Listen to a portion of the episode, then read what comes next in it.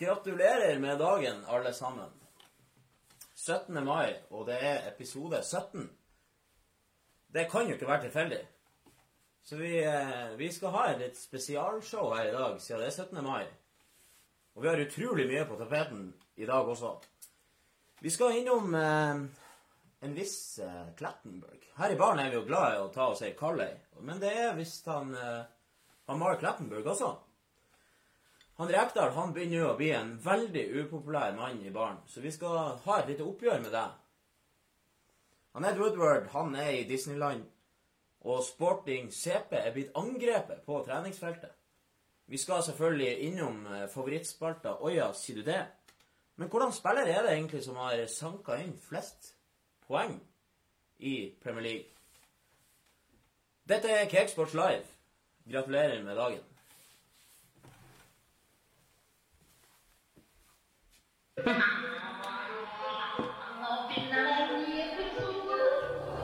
Cakesports, vi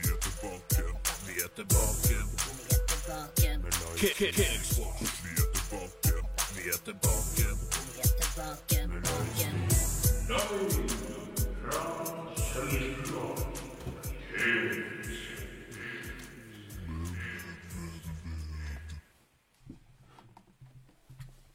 Er så herlig. Bare føle deg som et helt nytt menneske. Fotballnyheter i overklassen. Nei, kutt ut, da. Pappa, jeg er så glad i deg. Heftige debatter og ekte meninger. Sjekk den lusen nå. Chihuahua. Pustekake. Cakesports.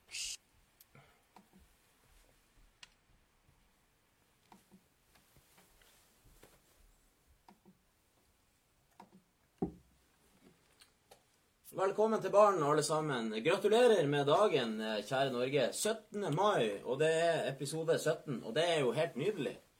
Velkommen, eh, velkommen gutta boys. Takk. Har dere hatt ei fin feiring?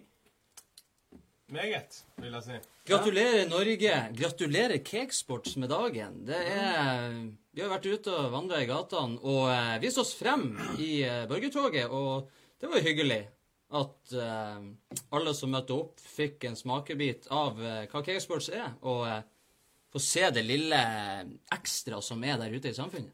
Ja. Hvis du ikke har fått det med deg før nå, så er jo vi i Cakesports, og vi er her for å holde deg oppdatert i fotballverden. Så hvis du liker fotball, så er det bare å følge med oss, så skal vi servere deg lekkerbisken etter lekkerbisken. Og det er ikke noe tvil om at uh, i dag har programmet høyt nivå. Som alltid. Som alltid, førsteklasses fotballprat, heftige debatter og mye å glede seg til. Og hvis du der ute har noen spørsmål, kom med de. Vi er glad for å få spørsmål om hva vi tror om ting, eller gjerne skriv hva du tror om ting. Du kan jo skrive om du hadde en fin 17. mai. Det hadde jo vært eh, kjempefint. Er det noen dere syns at vi er veldig bra, eller litt ekstra bra? Ja, det skader aldri med litt ros. Dagen i dag, den feirer vi jo her i baren. Vi har jo flagg, vi har mer flagg, og vi har noe godt og kaldt i glasset. I dag er det altså eh, feiring fordi eh, vi fikk jo vår egen grunnlov 17. mai i 1814. Vi er et fritt land, og derfor har vi denne podkasten. Vi kan si hva vi vil. Og det kommer vi alltid til å gjøre. Det er ekte meninger. Et, et ærlig program, rett og slett. Det er ekte, men seriøst. Men seriøst. Så jeg, jeg er litt sånn hes, for jeg var jo i borgertoget med en megafon i dag. Det var mye, mye roping, og var, det var fint å se at eh, folket tok oss eh, godt imot. Vi har også en grunnlov her i baren. Og det er hvis du er tørst, så må tørsten slukkes. Og det er den eneste regelen. Jeg, jeg, ellers er det ganske løssluppen stemning her. Alt det andre kommer ganske naturlig etter at uh, tørsten begynner å bli slukka. Ja.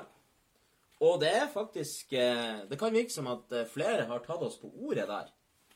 Fordi han tidligere Premier League-dommer Mark Clattenberg han innrømmer nå at han brukte å stresse ned med å ta seg ei kald pils. Og det skal man ikke skimse av. Og var det bare ei? som før kampen, eller? Ja, altså Han, eh, han har jo dømt blant annet FA Cup-finale, Champions League-finale, EM-finale. Og nå forteller han litt om hvordan eh, dommerlivet påvirka eh, livet hans. Hvordan stresser man ned rundt en storkamp? Man drikker mye øl, så klart. Man brukte å ringe kona si etter en kamp, og hun hørte med en gang om det hadde gått bra eller dårlig. Hadde det gått dårlig, så hadde hun fylt opp eh, kjøleskapet og gått og lagt seg. og hadde det gått eh, bra, så, eh, så satt hun oppe og venta på Mark Lattenberg, for da ble det sikkert litt, eh, litt av hvert eh, på Mark der. Det første jeg tenker da, er jo Det er jo veldig bra at hun fyller opp kjøleskapet.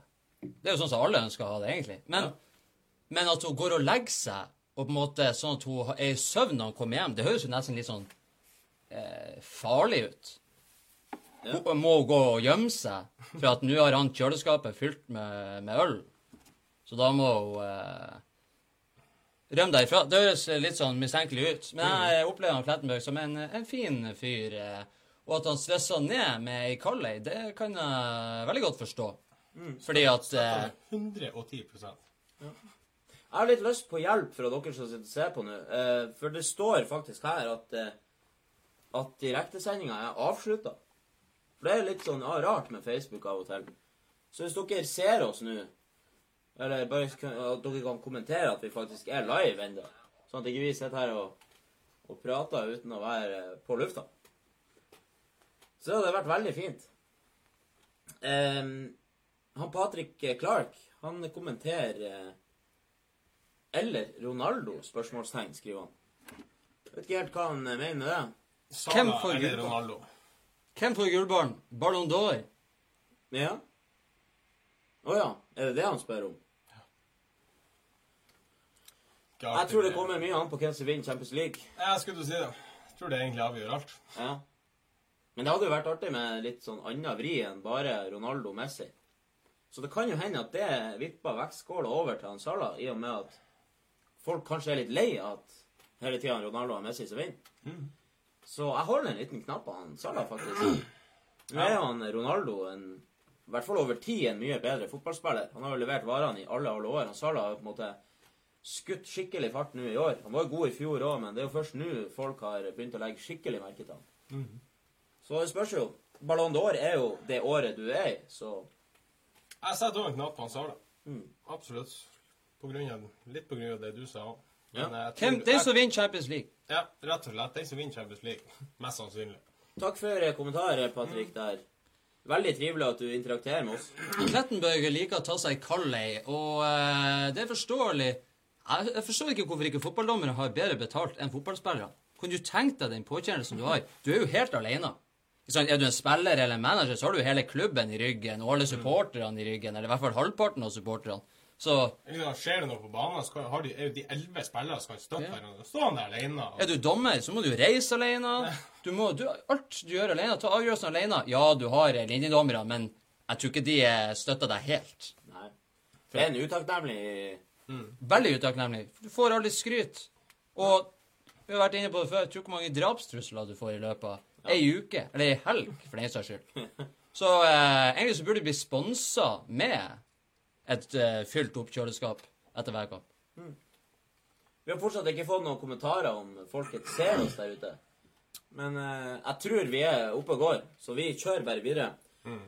Eh, han, han Klattenberg uh, han får en liten sånn stjerne i boka hos oss. For det er veldig fint når dommerne bare går ut og er ærlige. Mm. Sånn som vi var inne på for noen episoder siden. Han som gjorde en feil eh, En norsk dommer gjorde ganske stor feil i en kamp. Det gikk han live rett etter kampen fremfor kamera og bare la seg flat. Beklagde at han hadde gjort en stor feil. Han dømte straffe når det var Mm. soleklar filming. Jeg tror det kan være lurt for dommerne sitt stressnivå og eh, hjertepuls og alt det der, og faktisk gjør det. Ja. Da slipper de unna en god del. Der har jeg fått en liten beskjed fra Trond Arve. Han sier at det funka fint. Og det er nydelig å høre.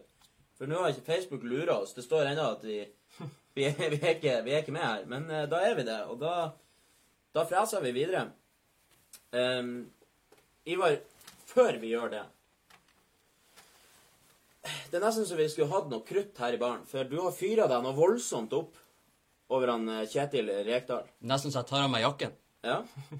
Du tar på deg buksehanskene angående 16. mai-kampen på Aspmyra mellom Bodø-Glimt og Tromsø. Kan begynne egentlig med å si at en ting jeg alltid har likt med han Rekdal, er at han har alltid vært han er, en, han er kanskje den eneste som jeg har hørt som reagerer på når fotballspilleren snur ræva til på innlegg eller skudd, og han blir forbanna. Og der er jeg enig. Jeg blir forbanna. Og det, sånn skal det være. Men i går så var det sorg i Bodø by. Bodø-Glimt, 16. mai-kamp hjemme mot eh, Snøhullet oppe i Tromsø. Og det ble jo da 0-1. Skal ikke gå inn på det. Det var jo sørgelig nok. Ja. Og for min del, det er ingen som er kritisk til Glimt eller mine egne lag, eller Man har selvinnsikt i de man er mest glad i. Selvfølgelig har man det. Så ingen skal klage mer på mine lag enn det jeg sjøl gjør. Og når jeg da slår på TV-en etter at jeg kom hjem fra Aspmyra, så ser jeg litt sånn høydepunkter fra alle kampene som har vært. Og Rekdal er i studio sammen med Semb, og de skal jo være profesjonelle. De skal ikke være partisk. De eh, prater for og imot, fint om begge lagene i alle de her kampene. Og som alltid så kommer Glimt til slutt og viser den kampen der. Og så etterpå så viser jeg et intervju med han Knutsen, trener til Glimt. Ja.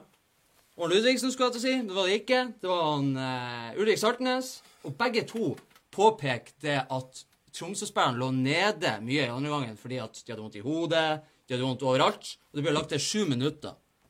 Så de ble oppgitt over det. Men samtidig så brukte de ikke det som ei unnskyldning. Nei. Men de bare Selvfølgelig, de gjorde jo det. Ja. Det er ikke til å legge skjul på. Nei. De gjorde det. Kynisk. Og så kommer de tilbake til studio etterpå, og så spør han eh, programlederen, han Rekdal, er dere enig i eh, at det her stemte? Jeg skal være helt ærlig og si, jeg tror ikke at han Rekdal så den kampen. For Rosenborg var samtidig, og Vålerenga var.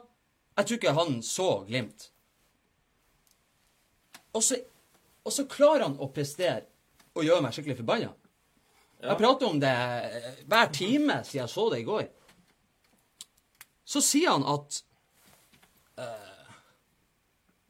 Hva var det han sa?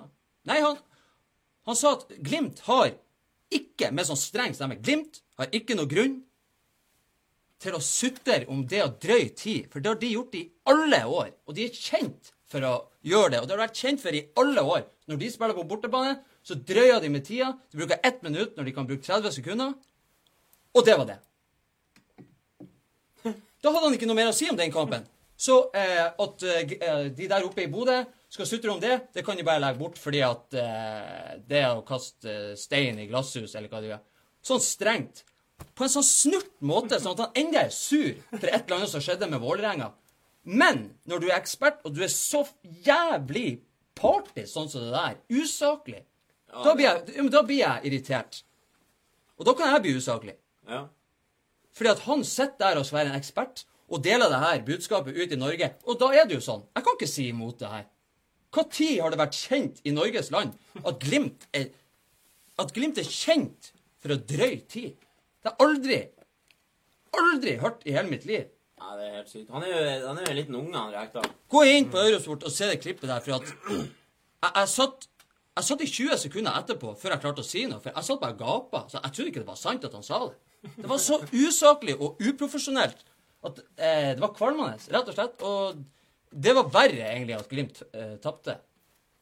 For min del.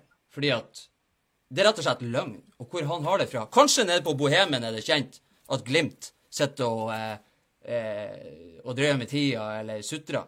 Ja. Men ingen er mer kritisk om Glimt enn jeg er. Og har mer selvinnsikt om Glimt enn det jeg har. Så du kan ikke klage og si stygge ting om Glimt som ikke er sant. Nei, han har jo dratt frem noe han har opplevd sjøl, sikkert en kamp eller noe sånt. Så sitter han og er bitter enda. han er jo en bitter mann, han Rekdal. Veldig Ja, men da, sur, surt menneske. Usmakelig, uprofesjonelt, elendig. Det er det, det er det Jeg syns han skal ta en telefon opp til, eh, til Glimt og beklage eh, Og beklage det, rett og slett. Det går jo an å si dumme ting i kampens hete, Rekdal, men det går òg an å trekke det tilbake og si unnskyld. For- Det er lenge siden han slutta å snus, så at han skal være lettsint Ja. Det trenger han ikke å være nå lenger. Nei. Jeg er enig der. Og da skal vi ha første spalta vår i dag.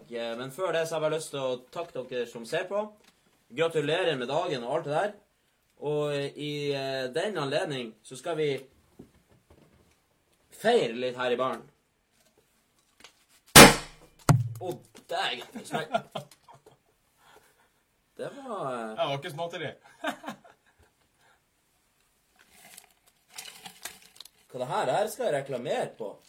Det ligger enda Det var, igjen eh, her. Og så står det på den 100% 100% fornøydgaranti eller pengene tilbake. Ja takk, Festplassen AS. Jeg vil ha pengene tilbake. Men kan jo hele takke så slipper vi å støvsuge etterpå. Ja, det er sant. Det er aldri trivelig å rydde opp etter en fin fest i baren. Se det positive etter. I alt. Det var en sinnssyk smell av det. Ja, tja. Beklager for smellet. Var ikke kalkulert. Men eh, dere eh, overlevde sikkert. Da går vi videre til ukens eh, første spalte, og rett og slett ukens nyheter.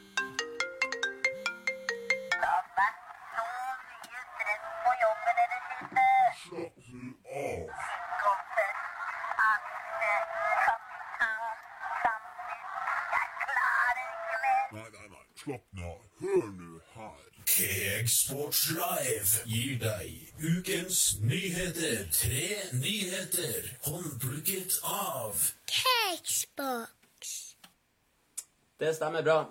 Og hver uke så har vi valgt oss tre ting vi har lyst til å dra litt ekstra frem i lyset.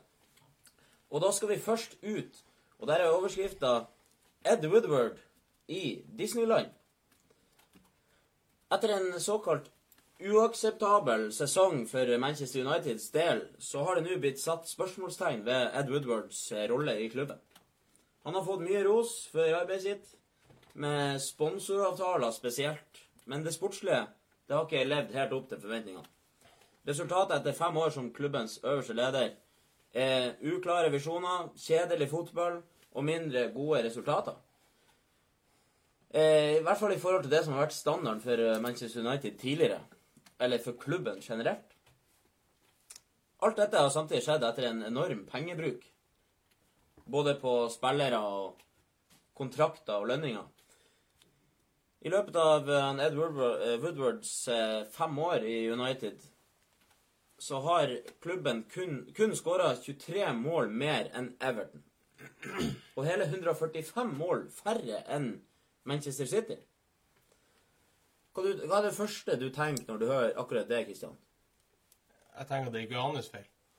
Nei? Det er jo ikke det. Men er ikke han som har ansvaret for det sportslige? Ja, Ansvaret for det sportslige, ja. Kanskje, det, Han er jo vel litt eh, Han er vel delaktig i de managerne som blir ansatt. da, Det vil jeg jo påstå.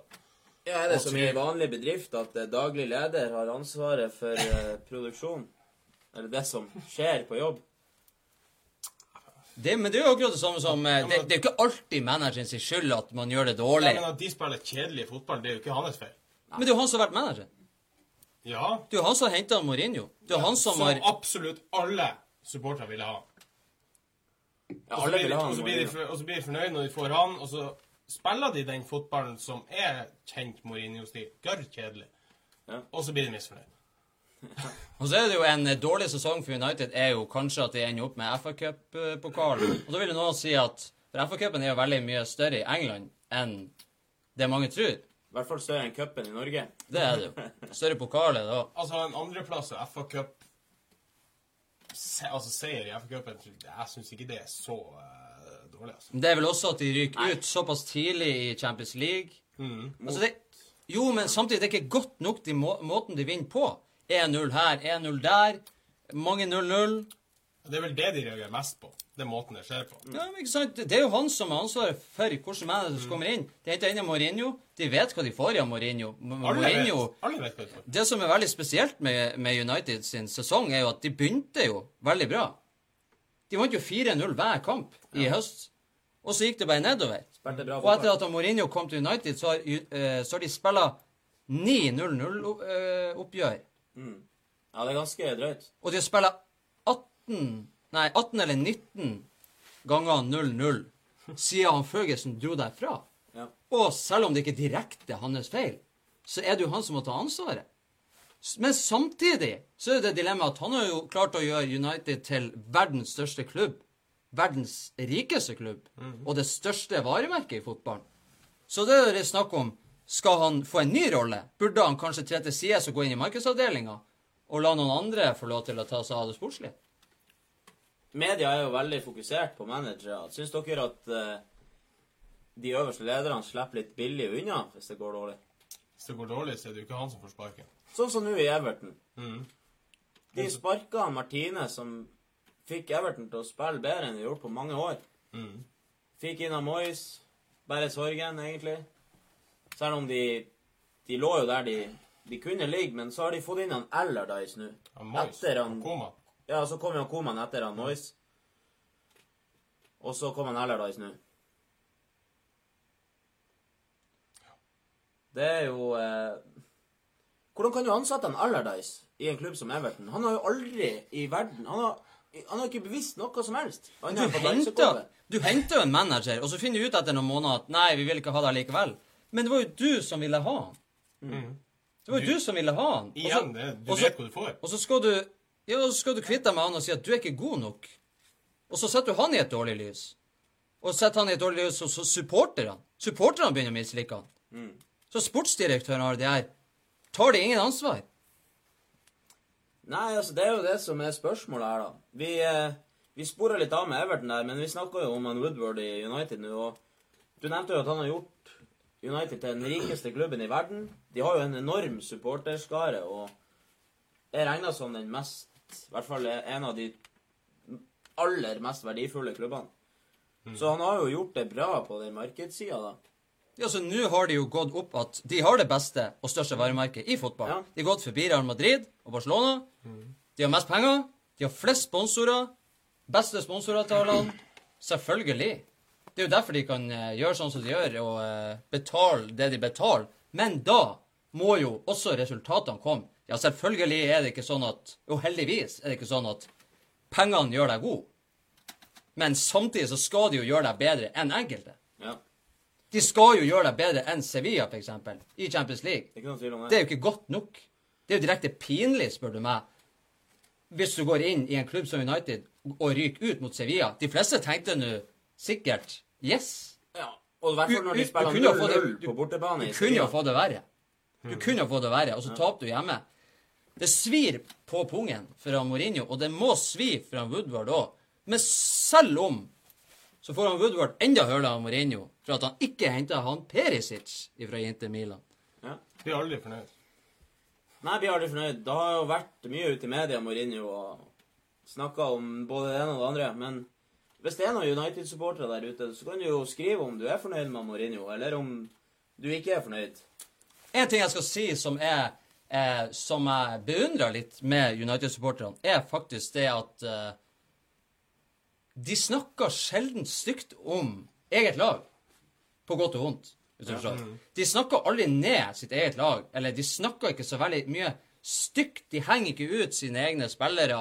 De er veldig flinke til å prøve å se det positive så lenge de er i klubben, som de bruker å si. Så lenge Mourinho er i klubben, så lenge han eh, Fellaini eller hvem du vil dra frem, er i, er i klubben, så skal vi heie på dem. Men så er det jo, som jeg egentlig sa da de, før de ansatte han van Gahl, så sa jeg det kommer en dag hvor dere kommer til å si at hva i helvete var det her? Ja. Og det skjedde jo. Ja. Og sånn er det nå med Mourinho òg, tror jeg. Det er mange som ikke tør å si det høyt. Du vet ikke hvor lenge han blir. Og da støtter du ikke laget ditt så mye som du kan. Så da tror jeg at eh, den dagen han er ferdig Jeg kan ikke se for meg at han blir å sett mer enn et år eller to til. Hvis ikke det går veldig bra i serie og Champions League. Han bruker jo å ha en periode i en klubb, og så drar han. Mm. Og hvor han skal fære? Han har vært overalt. Han har vært overalt. Ja. Men eh, det er sant som du sier, det er en god egenskap å ikke rakke ned på sine egne. Jeg har noe å lære der. Du har noe å lære der, ja. Det er ikke noen tvil om det. Følg oss også på Twitter. Det er jo der våre eh, aller hyppigste oppdateringer kommer ut. Vi har jo en, en, et orakel som sitter der og speider døgnet rundt etter nyheter kun for dere der ute. Så har du ikke likt oss på Twitter ennå, gjør det med en gang. For det er der eh, det, er der det skjer. Vi skal videre i eh, Sparta. Sporting CP angrepet på eget treningsfelt. De ble altså angrepet av 50 ultras, eller hva du skal kalle de for. De klarte å komme seg inn på treningsfeltet, og de gikk angrep både på spillere og støtteapparat, og de kom inn med finlandshetter, var helt gæren. Og masse forskjellige masker, og skulle også ha ødelagt den ene garderoben, rapporteres det. Eh, Den nederlandske stjernespissen Bass Bas Dost skal ha fått måtte sy flere sting i ansiktet eh, og i hodet etter å bli angrepet med sånne belter de foreslo. Så må han stå over helgas cupfinale. Det er jo helt vilt. Det høres jo helt Jeg grotesk så ut. bilder det det sykeste jeg har sett. Ja. Flere av spillerne de er ikke inkludert i Portugals VM-tropp. Sporting CP har eh, allerede hatt en sesong litt utenom det vanlige. Tidligere i sesongen, etter et eh, 2-0-tap, så gikk eh, klubbpresidenten ut i sosiale medier og hengte ut enkeltspillere. Det var helt eh, forferdelig, det òg. Men da snudde spillergruppa seg imot han og forlangte respekt. Men det endte da med at 19 av spillerne ble suspendert.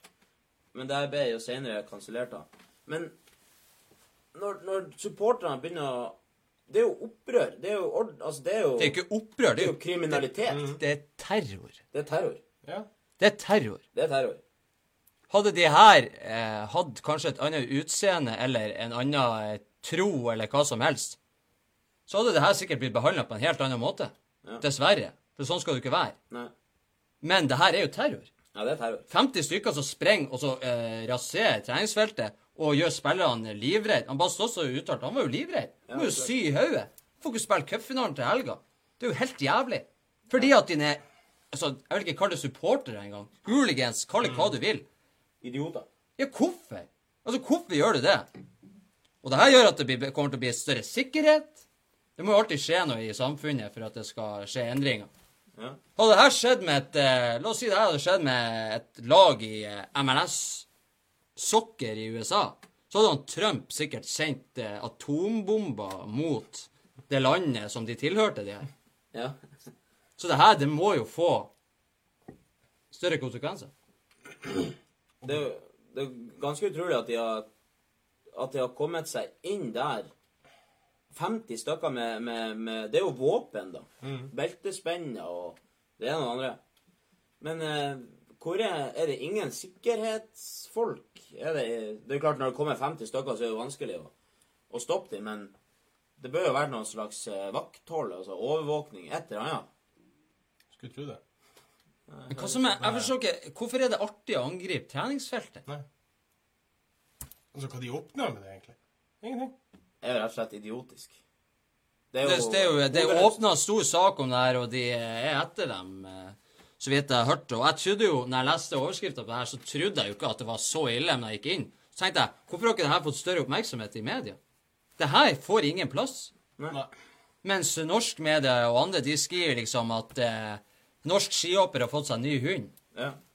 Men sant, det er mer interessant enn at det skjer terror på treningsfeltet i, Por- Ja. i Span nei, eh, Portugal. Se nå for deg hvis det hadde kommet 50 folk med finlandshette i 17. mai-toget og begynt å slå på folk.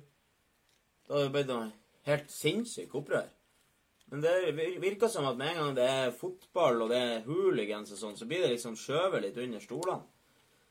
Men vi vil i hvert fall ha slutt på det der. Og vi de- håper de tar de jævlene. Spesielt i de landene. Det er jo sånn at altså, Hadde det skjedd i England, så hadde det vært store overskrifter i Ja. både VG, Dagbladet, overalt. Ja. Portugal er liksom Nei, ikke så nøye. ja, det er sant, det. Trasige greier, altså. Vi går videre. Arsenal suspenderer trenere etter mobbing. Og Arsenal de har nå bekrefta overfor han Islington Gazette Eller over, overfor Islington Gazette at de har suspendert to trenere som følge av klager fra spillerne på dårlig oppførsel. Eh, mobbing, uthenging. Og det er snakk om U23-treneren Steve Getting og assistenttreneren Carl Laraman. Hva i alle verdens navn er det første jeg tenker når jeg hører det? Men ryktene sier at dette var et av årsakene til at stortalentet Marcus eh, McGuane McGuane, eller hvordan det uttales, litt usikker på det. Men det er et av årsakene til at han gikk til Barcelona. Spilleren, eh, spilleren sjøl har han har avkrefta det, men det ryktes at at han også ble mobba. Det er ingenting som tyder på at han eh, Arsène Wenger visste noe om det. Men er det et problem at det mobbes i klubbene, tror dere? Det er jo et stort problem. Ja, men tror du det skjer i de fleste klubber? Nei, generelt sett så tror jeg ikke det. Ja, at det er et generelt problem. Det er selvfølgelig det er jo et problem at det skjer, men Ja, nei, jeg tror ikke det er et generelt Det skjer jo sikkert Men, litt eh, her og litt der. Fordi at, Det gjør det jo. Fordi at uh, Vi har jo vært inne på det her med at uh, unge talenter skal komme seg opp Mm. og frem, ikke sant? Du kommer deg ikke opp og frem hvis du, så, hvis du går og sier til noen i klubben at du, de her trenerne eller de her managerne, de, de mobber meg. De erter meg, og da tror jeg ikke Da, da detter du ned på stigen. Ikke sant? Du kommer ikke gjennom der, for at de slår i ring om hverandre, trenerne og de her som er. Ikke sant? Du har A-laget til Arsenal, og så har du jo alle alderstrinn. Og langt der nede har jo ikke Wenger like mye kontakt med, selvfølgelig. Det er jo naturlig. Og så slår de jo litt ring om hverandre, de som og beskytter hverandre, de som jobber med f.eks. G14, G15, eller, og har sine greier. Så det er litt erting her og der, og litt sånn eh, Det tror jeg er i mange yrker, men Og det er jo Det er synd at det er sånn, men jeg tror selvfølgelig Jeg kan egentlig garantere at det er mer av det enn det man tror. Men så er det jo i hvilken grad. Det er jo forskjell på erting og mobbing. Men han her, det her talentet her i Arsenal, han skulle være et av de største de hadde. Så det var jo veldig mange som stilte store spørsmålstegn da han da gikk til Barcelona. Og hvorfor han gjorde det. Fordi at Arsenal ikke ville ha han. Så eh, det er det som gjør at det blir Han måtte på en måte gjøre noe drastisk i sin karriere for at det skulle bli lagt merke til. Ja. Vi har fått en kommentar fra Kristo Lynkovic. Han skriver at eh, det er bare gårsdagens nyheter på denne bloggen. Og masse setter. Det virker som han kjeder seg litt. Men jeg tror du har misforstått der, godeste Kristo. For denne spalta, det er tre utvalgte nyheter fra uka som har vært. Og hvis du vil ha dagens nyheter, så skrur du på TV 2. Eller så følger du oss på Twitter, for det er jo der vi legger ut alle nyhetene med en gang de kommer. Så det her er jo ikke en, et nyhetsprogram. Det er jo en trivelig samtale i baren der vi diskuterer hva som har skjedd. Og så er det jo sånn at dessverre at vi har jo sending bare én gang i uka, så da må vi jo ta med det som har skjedd for noen dager siden òg. Ja. Men så er det jo noen som bare leser VG der ute. Og da får de ikke med seg alt det her. Nei. Og hvis han mener at det her er kjedelig, og at det her er gårsdagens nyheter, så kan jeg garantere han at hvis han venter til Åja sier du det, så kommer han til å lære noe nytt. Bare vent til spalte som kommer litt senere, så blir det bedre. Men tusen takk, Kristo, for tilbakemelding. Det er veldig fint å få høre både ris og ros. Vi setter pris på det. Tommel opp til deg. Um, jeg vil jo tro at han eh, De to som eh, nå har blitt suspendert pga. mobbing, det er jo ikke bra. Det, det er jo litt som eh, når du jobber innenfor et yrke og gjør en Det der er jo hoved... En, en hovedfeil, rett og slett. Jeg tror ikke det blir enkelt å få seg jobb andre plasser når det kommer frem at du har drevet og mobba spillerne dine. Men ja, hvis det er så mange av spillerne som har sagt ifra, hvorfor er de bare suspendert? Det er vel et Skal de fint ord. etterforske det, eller hva, hva de skal gjøre? Det er vel et fint ord for at de har fått sparken. Ja. Det, man blir først suspendert en liten periode, sånn samfunnet glemmer det av, Ja, og så hvisker det Forresten, du kan reise. du har Så- fått sparken. Ut. Det Kanskje det er en av strategiene nå i Arsenal, for de holder jo på å rydde opp det meste etter, at, etter han Wenger, og kanskje de har planta noen bevis sjøl for at de vil ha ut de her. Bare fra en saklig grunn, for at det er jo eh, det er jo tariff og Nav og alt det som er oppi der. Ja. Du kan ikke bare sparke folk helt uten videre. Kanskje. Kanskje. Man vet ikke. 100% Vi eh, skal gå videre til ei spalte der eh, Det begynner å bli tungt for oss her i baren nå. Men vi har eh, fortsatt Vi har den fortsatt med. Og det er egentlig med både sorg og glede at den er her. Men nå er det tide, på tide med Kegbet. Gutter, aksjene jeg fikk hos pappa har økt med 12% siden sist kvartal. Er ikke det fantastisk? Aksjene, du, liksom. Hva du mener? Har du ikke hørt om Kegbet?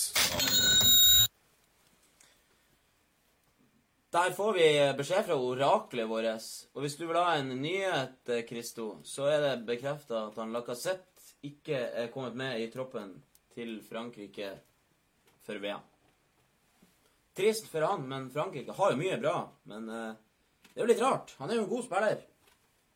Og sikkert eh, kanskje enda bedre i Frankrike, der han har bedre spillere rundt seg enn det han har per dags dato i Arsenal.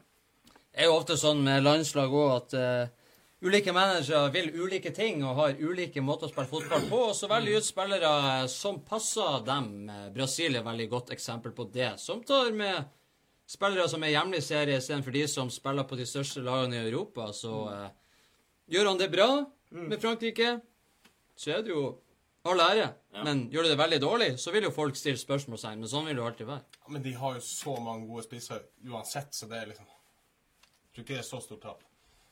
Nei, det er nok ikke. Vi skal ha Kegbet, og Christian, jeg må bare advare deg, for nå har du fem feil på rad. Snart så må vi finne på en sånn ekstrastraff. Men Kegbet, det er ei spalte der vi har valgt ut én kamp hver med over to i odds. Så slår vi sammen de odds, den oddsen, og så setter vi alle pengene vi har. Og så håper vi på å bli millionær i løpet av fem år. og Forrige uke så hadde jeg uavgjort til pause mellom Westham og Everton. Den røyk gikk mot Skogen. Christian, du hadde uavgjort full tid. Burnley Nei, pause. Ja, uavgjort til pause mot Burnley eh, mot Bournemouth. mot Skogen. Igjen. Og Ivar, du hadde Crystal Palace mot West Brom. Tomålsseier til Crystal Palace. Og den gikk inn. Og den Og den inn. garanterte jeg, så jeg er egentlig veldig fornøyd med meg sjøl. Ja, så da var det du da, Christian. Du har fem feil på rad. Hvis du får én feil til, så har du seks på rad. Og da tror jeg vi må finne på noe lurt. Men nå, denne uka, så har det vært litt vanskelig å finne eh, ting å tippe på. For Premier League er jo ferdig. Eh, det har vært eh, Det er mye sånn norsk fotball som går nå denne uka her. Men vi kan begynne med Ivar. Han har vært spansk fotball. Der har du borteseier til Real Madrid over Villarreal. Ja, jeg tror Real Madrid blir å spare masse spillere frem mot Champions League-finalen. Kanskje bruke en av der bare for å komme de, eh, de, gjøre de litt varm, komme inn i flyten. Real Madrid er ofte veldig god når de spiller med redusert lag. Ja. Og eh, verken Villarreal eller Real Madrid kan gjøre det noe bedre enn eh, det tabellen sier akkurat nå, eh, mener jeg har kommet frem til. Så eh, det er jo egentlig litt bingo der òg, men jeg har trua på at eh, 2,50 eller 2,40 eller hva det var borte, skal være nok. Eller det er en grei odds på borteseier der. Og Ja. jeg satt og spiste fiskesuppe eh, før i dag, og så tenkte jeg at jeg fikk faen meg inn sist gang. Så jeg har egentlig blitt eh, god i meg sjøl, Ja. og litt yoga. Du har snudd trenden.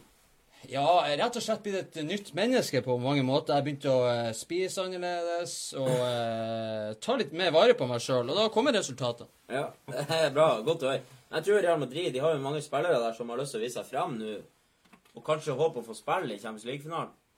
Så det der tror jeg er en eh, god odds. 2,40 for Real Madrid der. Det, det, er, et, eh, det er et godt, et godt tips. overraskende høyt. altså.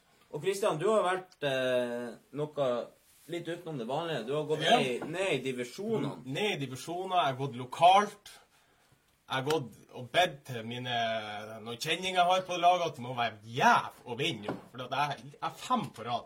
ja, det, Så når jeg har gått lokalt, øverst oppe i Rønvika De skal møte Det er Junkerna. Skal møte Nesna. Nei, Sen- Nesna. Senja.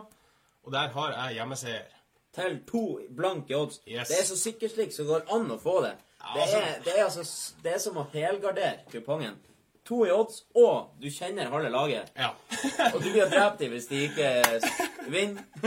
Så det Du Så hvis det er noen der som hører på, så vet dere det. Ha det i bakhodet. Kristian vil stå med balltre utfor uh, Jeg står i bilen utfor der. Vi har faktisk vurdert å snike oss på natterstid inn på Stordalen Arena og eh, henge banneret vårt eh, over et reklameskilt. Så dere som er til stede i Stordalen under den kampen, dere kan prøve å telle dere frem, eller finne frem en feil på reklameskiltene rundt stadion. Og eh, jeg vil, et, et lite hint er at eh, eh, se gjerne på en av langsidene. Ja, det tror jeg. Vi, vi kommer alltid på med noe lurt her. Vi dukker opp der når minst forventer det. og det er for å skape de ekstra motivasjon til deg å slå Senja. Ja. Jeg har trua på dem. De er litt i flyten nå. altså. De er, et bra- de er et bra lag. De har to i odds. Senja har eh, 2,30 i odds. Og så er det 4,40 på uavgjort. Junkeren er jo et eh, bra fotballag, eh, og når Senja kommer til Bodø, så skal de bankes. Jeg har tatt, eh, gått til dansk eh, toppserie. FC København mot eh, FC Midtjylland.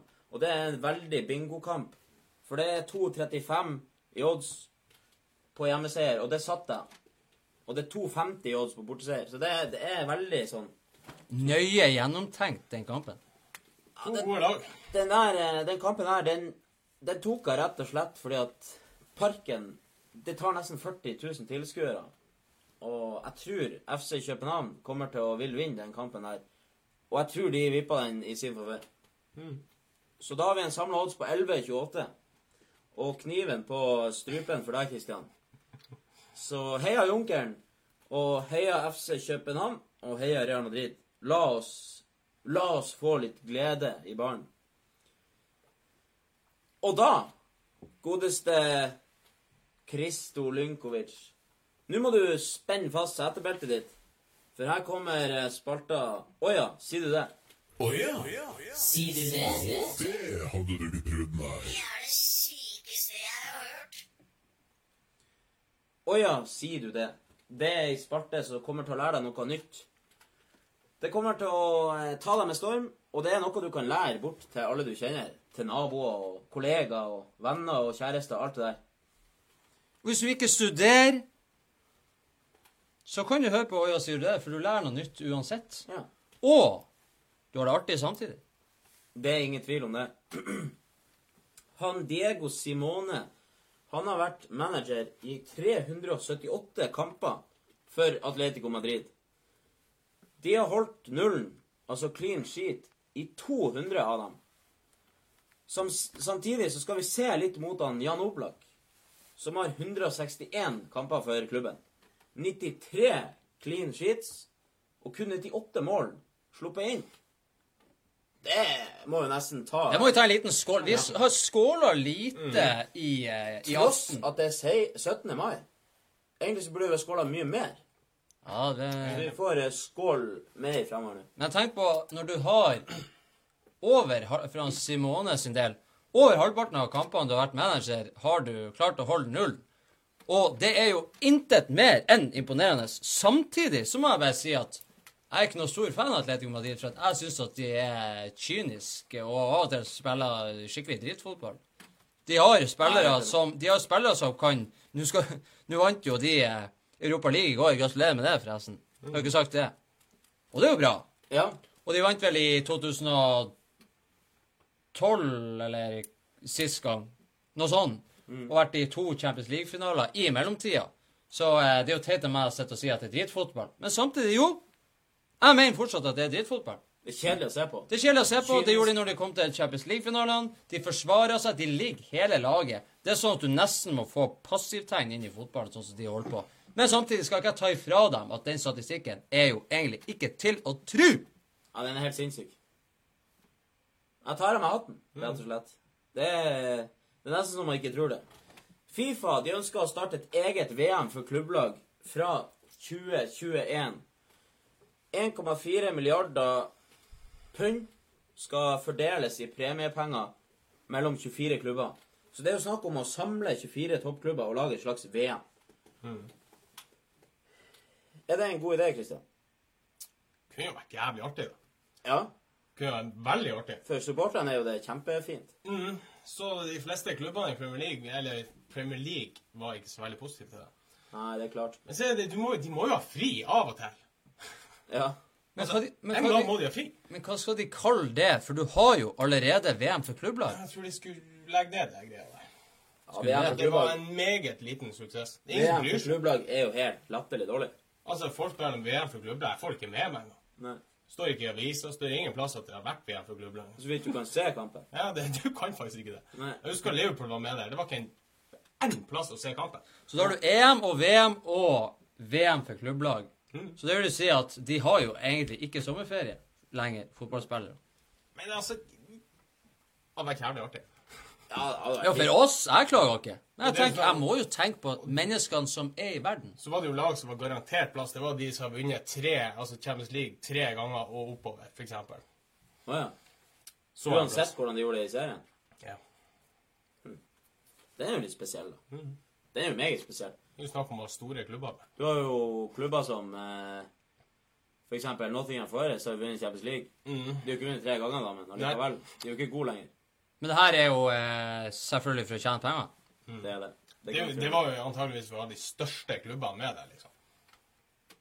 Så kommer United på sjuendeplass og sånn, sier nei til Kanskje det, kanskje det er deres versjon av det de tidligere har sagt, at de skal få en sånn superliga i Europa. Ja. At de velger det isteden. For at uh, de må ikke begynne å, å, må ikke begynne å holde på med så mye tull, for det gidder jeg ikke. Nei, Nei. men jeg tror det kan jo vært artig. Det er artig. Ja, det tror jeg. Det tror jeg. Jeg skal lese opp et sitat fra Jermaine Defoe fra, eh, om, om, om VM i 2010. Og da siterer jeg bare Jeg husker en kveld når vi var i Sør-Afrika, og vi kjedes oss noe voldsomt. Det endte med at jeg og Wayne Rooney satt på rommet hans og så hele bryllupet hans i opptak. Og der er jeg, Herregud, så sørgelig. Jo, men det må jo så tenke Først så tenkte de Hæ? Hvorfor sitter dere og ser den? Hvor forbanna kjedelig er ikke det? Men det første jeg tenker, er litt mer sånn avansert skrudd i hop. Hvorfor hadde han med seg altså bryllupet på DVD til Sør-Afrika? ja. Hvorfor hadde han den tilgjengelig når de kjeda seg? Kanskje for å Ligger den på YouTube? Kanskje føle seg hjemme og få litt tilhørighet når familien ikke er der. Og... Jo, men Kan jo hende det var sånn Jeg, jeg, skjønner, jeg skjønner hvor du vil. Ja. Kan hende de har filma festen, og alle var dritings, og det var artig å se på. Kan hende det var sånn komigreier. Altså, nå skal ikke jeg Den dagen, hvis en av dere gifter dere Selv om eh, vi har det hyggelig i lag i baren her, så kommer jeg aldri La oss si at jeg blir syk når dere har bryllup. Jeg regner med at jeg blir invitert. Det, det regner jeg med. Kan hende. Ja. Det kan vi ta en annen gang. Men jeg forventer jo at dere ikke ber meg om å se bryllupsvideoen. Og hadde jo aldri gjort det heller. Det er jo er, det, er det selve bryllupet og så festen? Seremonien, liksom. Festen kanskje fra klokka tre og utover på natta. Da kunne jeg sittet og sett på. Det er sikkert noe artig. Ja. Sant? Men sitte og se på Ikke det rørende. Jeg blir ikke rørt. Nei. Så hvorfor skal jeg sitte og se på det? Helt idiotisk. Det Stakkars Jermaine Defoe. Ja. Og da, da skjønner jeg mer hvorfor karrieren hans fikk en litt sånn der bølgedal, nedoverkurve. Fordi at det er jo klart at du blir jo emosjonelt satt ut av noe sånt. Jævlig fin. Det er, det er en artig sak, det der. Rett og slett. Hamburg har rykka ned fra Bundesligaen for første gang i klubbens historie. Takk for i år. De var også den aller siste klubben som aldri hadde rykka ned. Så da er det ingen klubber der som aldri har rykka ned før. Alle har rykka ned. Alle har rykka ned. Jeg hadde ikke sett for meg det. altså. Det var faktisk 19.985 dager fra første til siste kamp. Altså første kampen er 24. august 1963. Til nå. Det høres jo egentlig ikke så mye ut i seg selv. Det er jo mye. dager. Det er jo mye. OK, det er kanskje mye. 19 000 dager. Altså, det er jo 63 Det er jo Men ikke det er skummelt å tenke på at du har ikke ledd i 19 000 dager? Ja, det er jævlig skummelt. Jeg håper jeg lever i 19 000 dager. Mm. Men det er jo litt sånn Sier du det? Det er en Ja, det er sånn Det er finurlige greier, det der. Smak på den. Michael Carrick han er en av de beste sentrale midtbanespillerne jeg har sett i hele mitt liv. Han er på nivå med han Xabi Alonso og han Sergio Busquets. Det har han Pep Guardiola uttalt. Og du måtte jo ta med, sier han Carrick. Nå har ikke vi hatt noe hyllest av han Carrick. Nei. Det er jo mange som har eh, hatt sine siste kamper nå. Iniesta, ikke sant. Skrik og alt det der. Eh, men Carrick eh, har fått eh, eh, Men jeg personlig, og det har vært veldig mye i media om det, at han har ikke fått den anerkjennelsen som han kanskje fortjener, fordi at Kanskje er, Noen spillere de er ikke den store stjerna som trenger størst plass i rampelyset. Som trenger å vise seg frem. De er profesjonelle, de gjør drittjobben. Ja. De eh, balanserer laget og holder laget i hop. Og, og han var en sånn spiller. Han har vært det lenge, og eh, Det var ikke så mye fancy schmancy med han. Nei, han har, eh, han har virkelig vært en av de store på midtbanen. Og når Dan Guardiola sier det her Du skal jo Det er ikke bare han som kan gi skryt, men det er jo en eh, anerkjennelse. Veldig fint av Pep Guardiola da, å si noe sånt om en rival.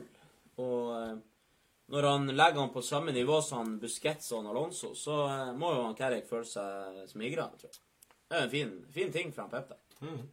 Absolutt. Og eh, da skal vi eh, gå videre på neste. Jeg var bare litt eh, ute og kjøre her med, med musa. Spillere som har flere kamper enn Michael Carrick på det engelske landslaget. Det er det her er, Nå er det rett og slett Nå er det bare å sette seg i sofaen, for det her er sånne ting du garantert ikke visste.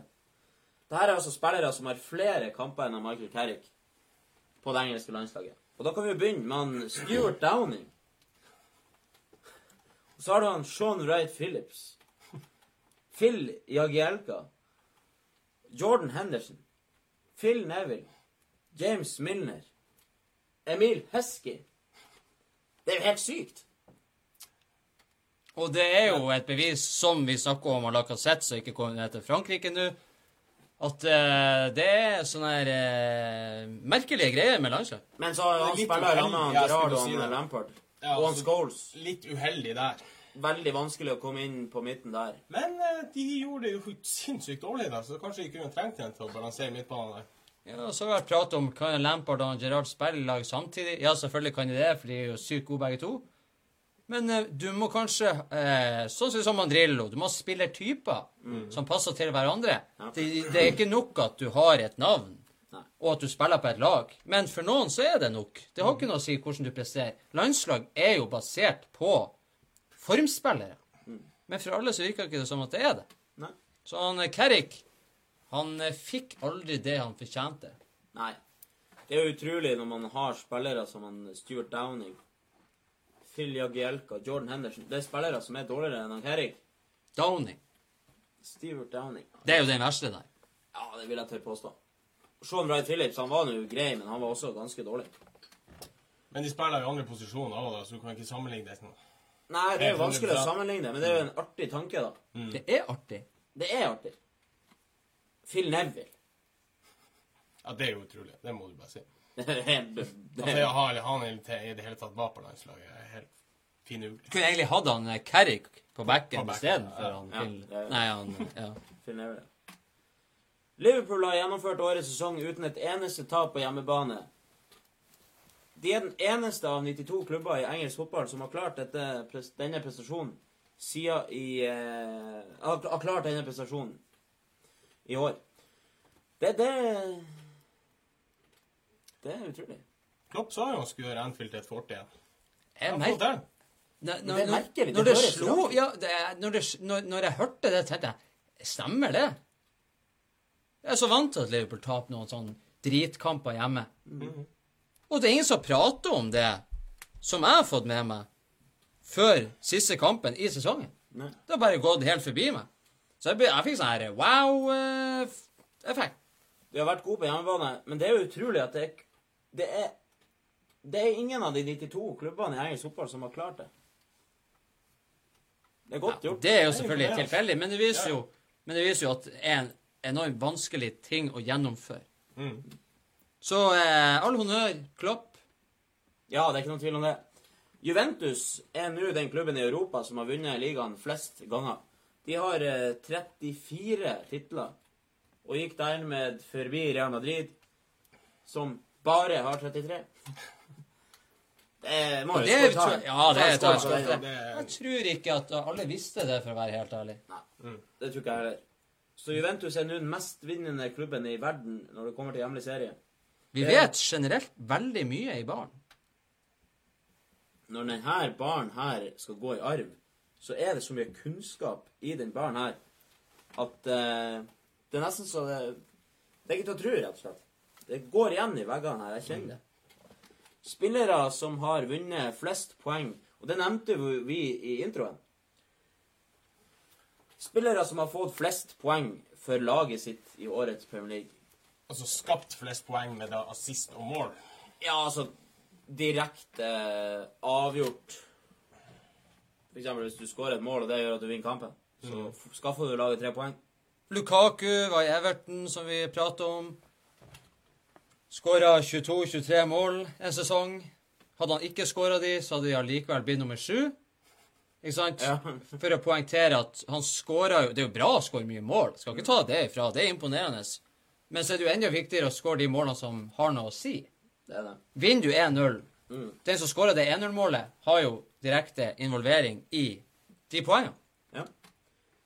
Vi kan begynne nederst. Ikke helt nederst, da, men det er i topp fem, det her. Med 11 poeng der eh, er han Raheem Sterling med 18 mål. Og der er også han Lukaku med 11 poeng. 16 mål. Men han har da skåra De målene han har skåra, har vært litt mer eh, Litt mer Han har skåra mindre mål, men han har skaffa like mange poeng som han Sterling. Så han eh, begynner å komme seg. Begynner å komme seg, ja. Og på 12 poeng så har vi han Chris Wood med 10 mål. Og med 10 mål og 12 poeng så er jo det bra. Det Da, da er du viktig. Da er du viktig. En viktig spiller. Burnley har gjort det usedvanlig bra, da, så mm. Og så har vi han som vant gullballen, Mo Salah, på 16 poeng med 32 mål. Og da er det et lite sprang opp til førsteplassen. Og hvem tror du det er, Kristian? De Bruyne. Nei. Jeg vet ikke. Harry Kane. Ja, selvfølgelig. Harry Kane med 22 poeng. 30 mål. Så den tok han i hvert fall ifra han Salah. Ja. Gratulerer, Harry Kane. Du har skåra mest viktige mål. Og De Bruyne skåra ikke så mye mål. av mye assist. Ja. Men Kane kunne jo hatt flere òg, hadde ikke vært for at han var så idiot og skulle stjele det målet fra han Eriksen. For da fikk han jo en liten sånn formdupp. Ja, Det var Carmen som tok han. Ja, det. Diego Maradona har signert en treårskontrakt kontrakt som styreformann i den hviterussiske fotballklubben Dynamo Brest. Smak på den. Han er altså på de mest finurlige plassene. Jeg ser han overalt. Jeg tenk, men jeg tenker på Du ser han overalt ute i gata. Ja. Men eh, ja, hvorfor gjør han det? Han er, han er det største ikonet, det største idolet i fotballen. Og han lever ennå. Han, han er jo en gud i Argentina. Og for veldig mange. Folk de reiser jo land eh, og strand for å få et glimt av han, eller treffe han, eller hva som helst. Så, så da, han, da, de, han må jo ha noe bedre å gjøre enn å være eh, Hva sa han skulle være? Styreleder. Styre... Nei, han skulle være styreformann. Styreformann i Hviterussland. Det er det han klarer å oppnå. Det, det har jeg veldig vanskelig for å tro at ikke Han er jo en veldig merkelig person. Jeg tror det blir penger i bildet. Det er jo selvfølgelig penger. Han hadde ikke, han hadde ikke gjort det hvis det ikke var penger. Men han var jo også i nest øverste divisjon i de emira, eh, i Emiratene. Ja, jeg tror det er mer penger der. Jo, jo, men men han må Kan ikke han få penger til å skrive autograf? Få han sånn 10 000 per autograf? Det må jo være mye bedre det enn å bo i Hviterussland. Ja. Unnskyld til dere som er fra Hviterussland, det er ikke meninga å si, men ja. Ja. Han kunne gjort mye annet enn å bli styreformann i Dynamo Brest. Det høres litt sørgelig ut. Jeg tror det. Beklager Diego Maradona, men jeg klarer ikke å skjønne den avgjørelsen der. Hvis det er noen der ute som vet hvorfor han har gjort det, så vil jeg vite det. Men nok om det. Og vi skal faktisk dra inn en mann som alle har hørt om, men som er utafor fotballverden. Donald Trump. For eh, det isra israelske fotballaget Beitar i Jerusalem de skifta nå navn for å hedre han godeste Trump. Klubben ønsker, ønsker å eh, anerkjenne avgjørelsen til han Trump om å gjøre Jerusalem til hovedstad i landet. Klubben er kjent for å ha den mest rasistiske supporterskaren i landet. Men eh, Og, og da, da blir navnet til klubben eh, Beitar Trump Jerusalem. Det er jo ikke til å tro. Nei, det er ikke det. Og det er jo en sånn her sånn liten sånn her crème brulé i ja, her spalta, ikke sant? Brulé, rett og slett. Det er sånn her, du Det er så nydelig. Jeg bare Det bare Jeg får en sånn fred over mitt sinn når sånt kommer. Fordi at Går det an å være så dum? Det er helt utrolig. Du er, du er i Israel, og eh, du holder på å vinne Grand Prix. Du vinner Grand Prix. Du blir sikkert å skifte til eh, Melodi Trump Prix, eller noe sånt. Ja, det der er, det er så finurlig så det går an å få. Så at det egentlig går an at de er så dum Nå skal ikke vi begynne å prate om politikk, for da blir det jo bare enda mer usaklig. Men det er jo da for at han gjør eh, Han bestemmer hvem som har hva hovedstaden i Israel er. Det har han Trump bestemt. Og så er det da at det er de mest rasistiske, det Skal ikke gå inn på det heller, men eh, kanskje det passer ganske godt. Ja. Han har bygd en mur. Han er jo ikke glad i andre mennesker. Det skal man jo bare si med en gang. Så det passer jo kanskje bra der. Vil ønske deg lykke til, Beitar Trump Jerusalem. Det blir artig å se om dere får su suksess med det navnet. Og det er faktisk sant. Det er det verste av alt. Det er sånn, du, Av og til så kan du jo tro at vi sitter her og finner opp ting, men det, det her er Det er nesten for dumt til å være sant, men det er sant.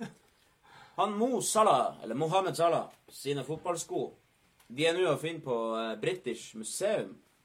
På den egyptiske avdelinga. Altså, den heter Egyptian Collection. Og der er det mye sånne greier fra pyramidetida, og sånne steiner og mumier og sånn. sikkert. Tror det? Du kommer Du går inn i heisen, du kommer opp i neste etasje, går ut, så hører du litt sånn Ikke sant? Litt sånn her Egypt Jeg, vet ikke om det var egyptisk musikk. Ja, jeg, jeg sånn prøvde bare. Ørkenmusikk. Ja, litt sånn Ja, ikke sant? Det er litt sånn der. Litt sånn sandstorm og sånn. Så går du gjennom, og så kommer du til alle de her eh, de her faraokostymene og mumiene og pyramidene. og liksom, Alt er bare eh, sandfarge og oransje og eh, ja, hvitt og hva det er for noe. Masse sånne her eh, fossiler, steiner som ligger, mursteiner som er knust, og det her liksom, det her eh, holdt han farao en gang i tida.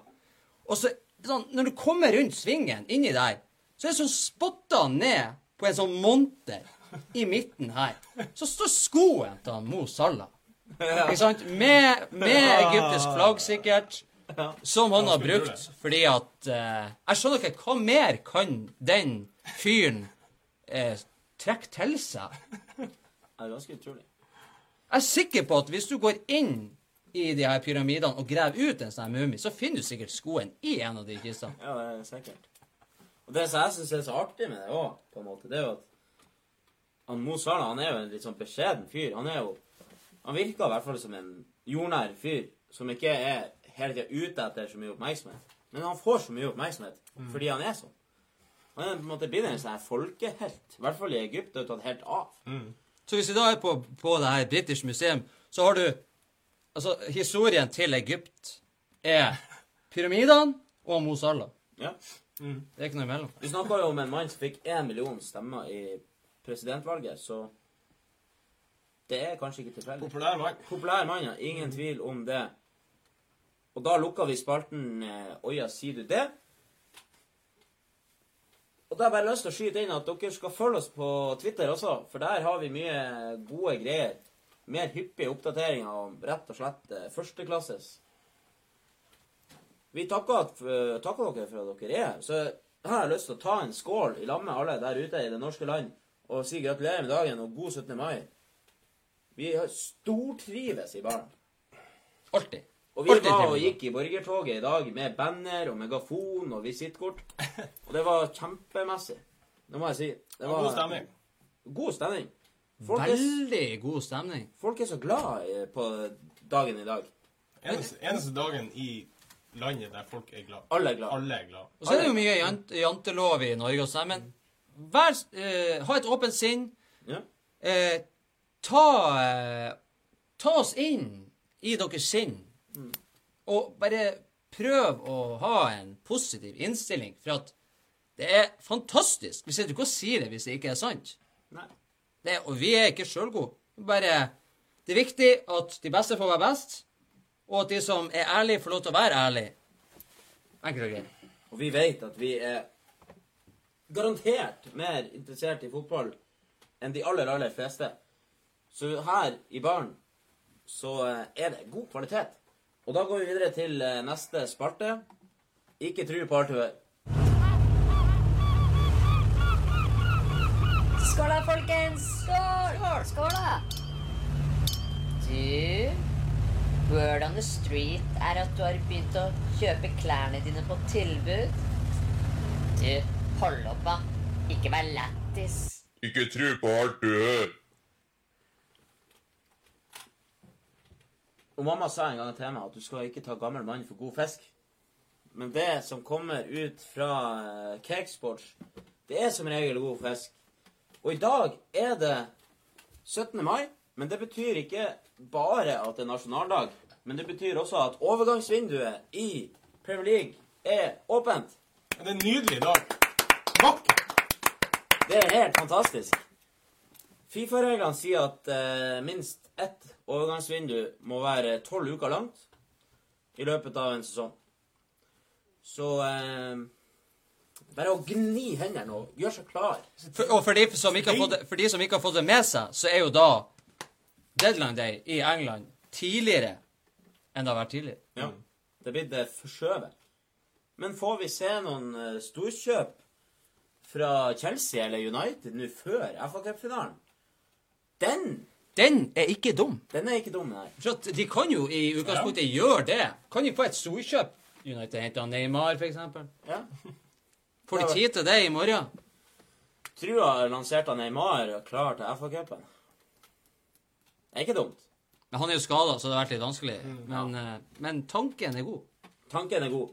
Og eh, det er jo Vi har jo alltid vært glad i overganger her i Cakesports.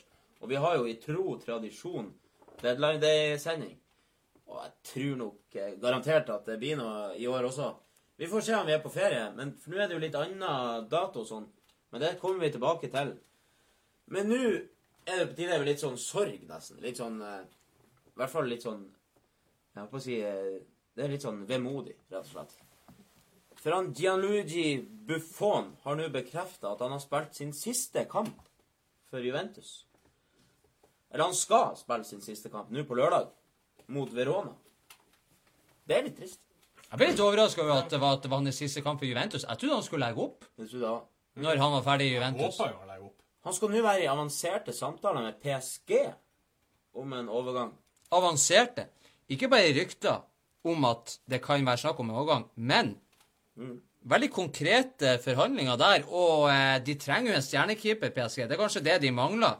Ja. Det er kanskje det de mangler, selv om jeg mener at Buffon ikke er på sitt beste nå. Men Buffon har jo også en gang uttalt at hvis jeg får massevis av penger for å spille fotball en plass, en annen plass enn Juventus, så blir jeg selvfølgelig å gjøre det for familien min sin del. Så selvfølgelig blir han å få mye penger i PSG. Det er ikke noe tvil om det. Det er mye oljepenger inni klubben her. Jeg håper ikke det er for imaget hans at han drar dit. Nei, det håper ikke jeg heller. Nei. PSG er en sånn klubb der folk samles for å få penger. Ja. Det er mitt inntrykk av det. Kanskje han får en- var jo en liten chat-klubb. Kanskje han får en ettårskontrakt verdt eh, 150 millioner. Ja.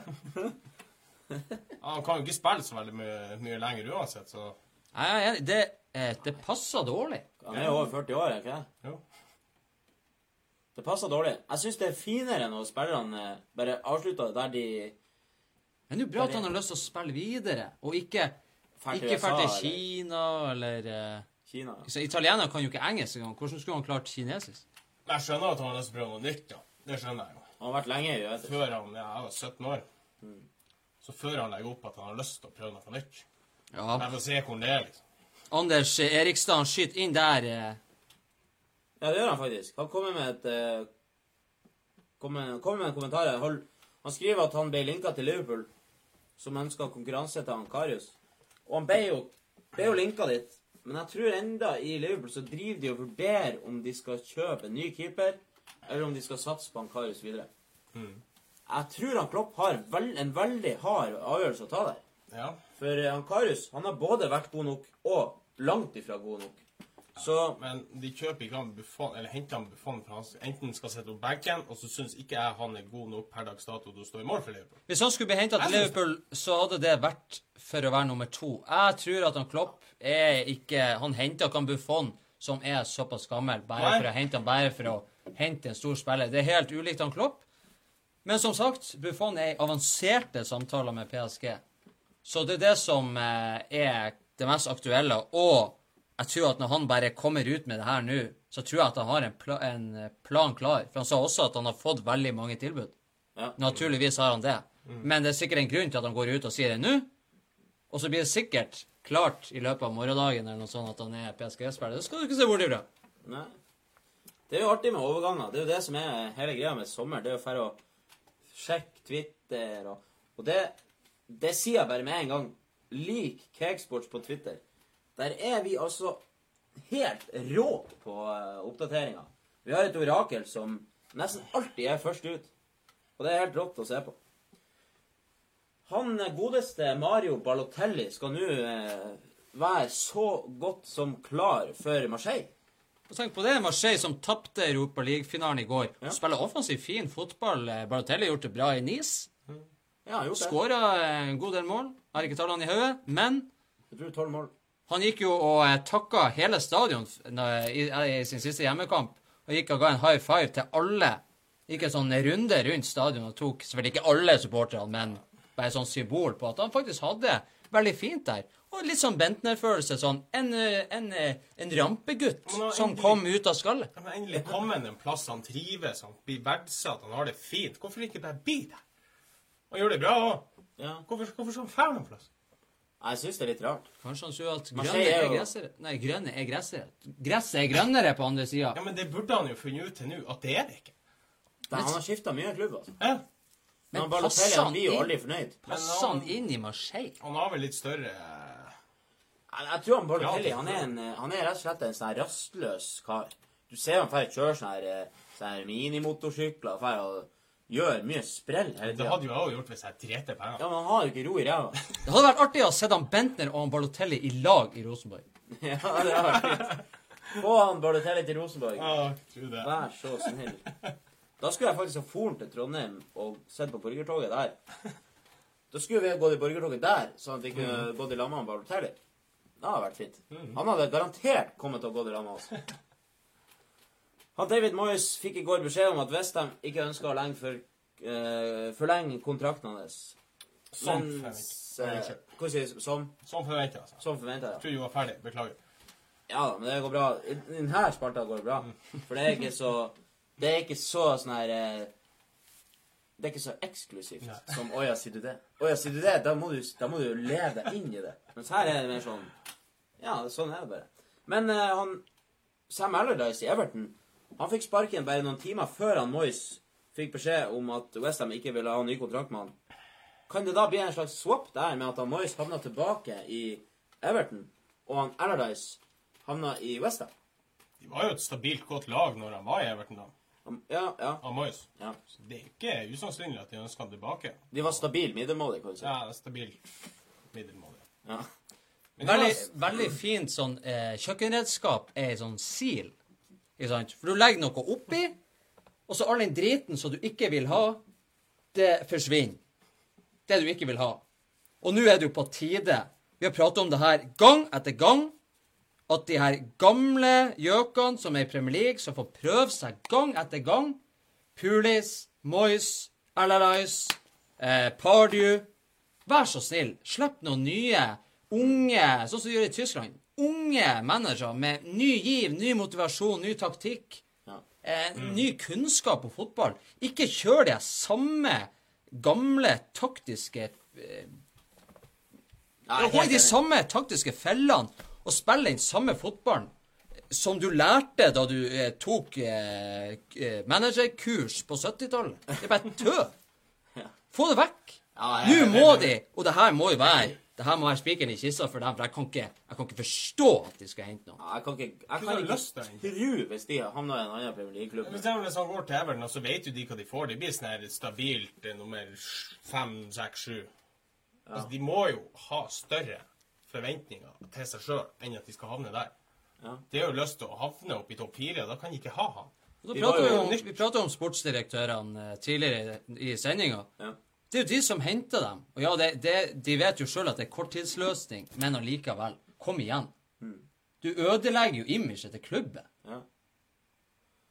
Jeg syns det var dumt det Everton sparka Koman der. eh. Det var jo greit nok at de var veldig nært eh, å havne i nedrykkskamp ei stund der, men Everton er jo De har jo på en måte skutt seg sjøl i foten. For eh, når du ansetter Allardyce, så, så er du jo nødt til å Da er jo du nødt til å finne på noe nytt i løpet av neste året.